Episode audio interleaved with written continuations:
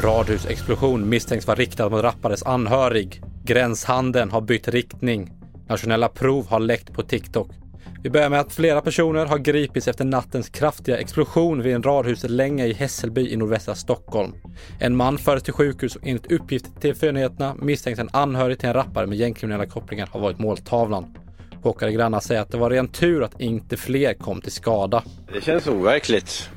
Jag menar, med en sån kraftig explosion då måste man ju ha intentioner och vilja döda någon. Det känns ju jätteläskigt. Det, var ju, det här var inget skrämselskott känns det som utan det här, det här kunde jag ha fått ett helt hus att rasa samman helt och hållet.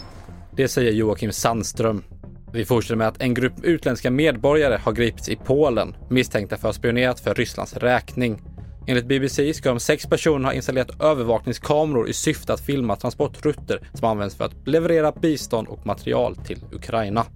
Gränshandeln har bytt riktning. När den svenska matkassen blir allt dyrare och allt fler till Norge för att spara pengar på inköp av exempelvis frukt, blöjor och smör. Något som tydligt märks i bland annat norska Örje där handeln Anders Fjällstad har ökat sin omsättning tack vare de svenska kunderna. Det är mycket svenskar. Eh, de kommer till mig och säger att det har blivit lite dyrt i Sverige och det är lite motströms som det heter i Norge och det är, eh, ja, det är väldigt speciellt, väldigt gøy. Det också.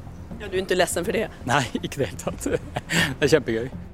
Och till sist, idag är det dags för årskurs 6 att skriva ett nationellt prov i svenska. Men redan innan sjätteklassen har hunnit sätta sig i skolbänken har delar av provet läckt på TikTok.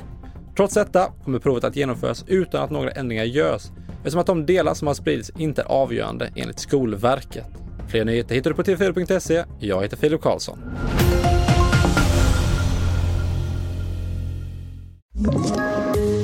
Ett poddtips från Podplay.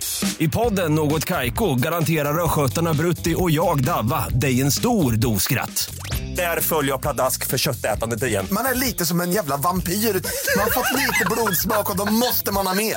Udda spaningar, fängslande anekdoter och en och annan arg rant. Jag måste ha mitt kaffe på morgonen för annars är jag ingen trevlig människa. Då är du ingen trevlig människa, punkt. Något Kaiko, hör du på Podplay. Därför arkadeinerna.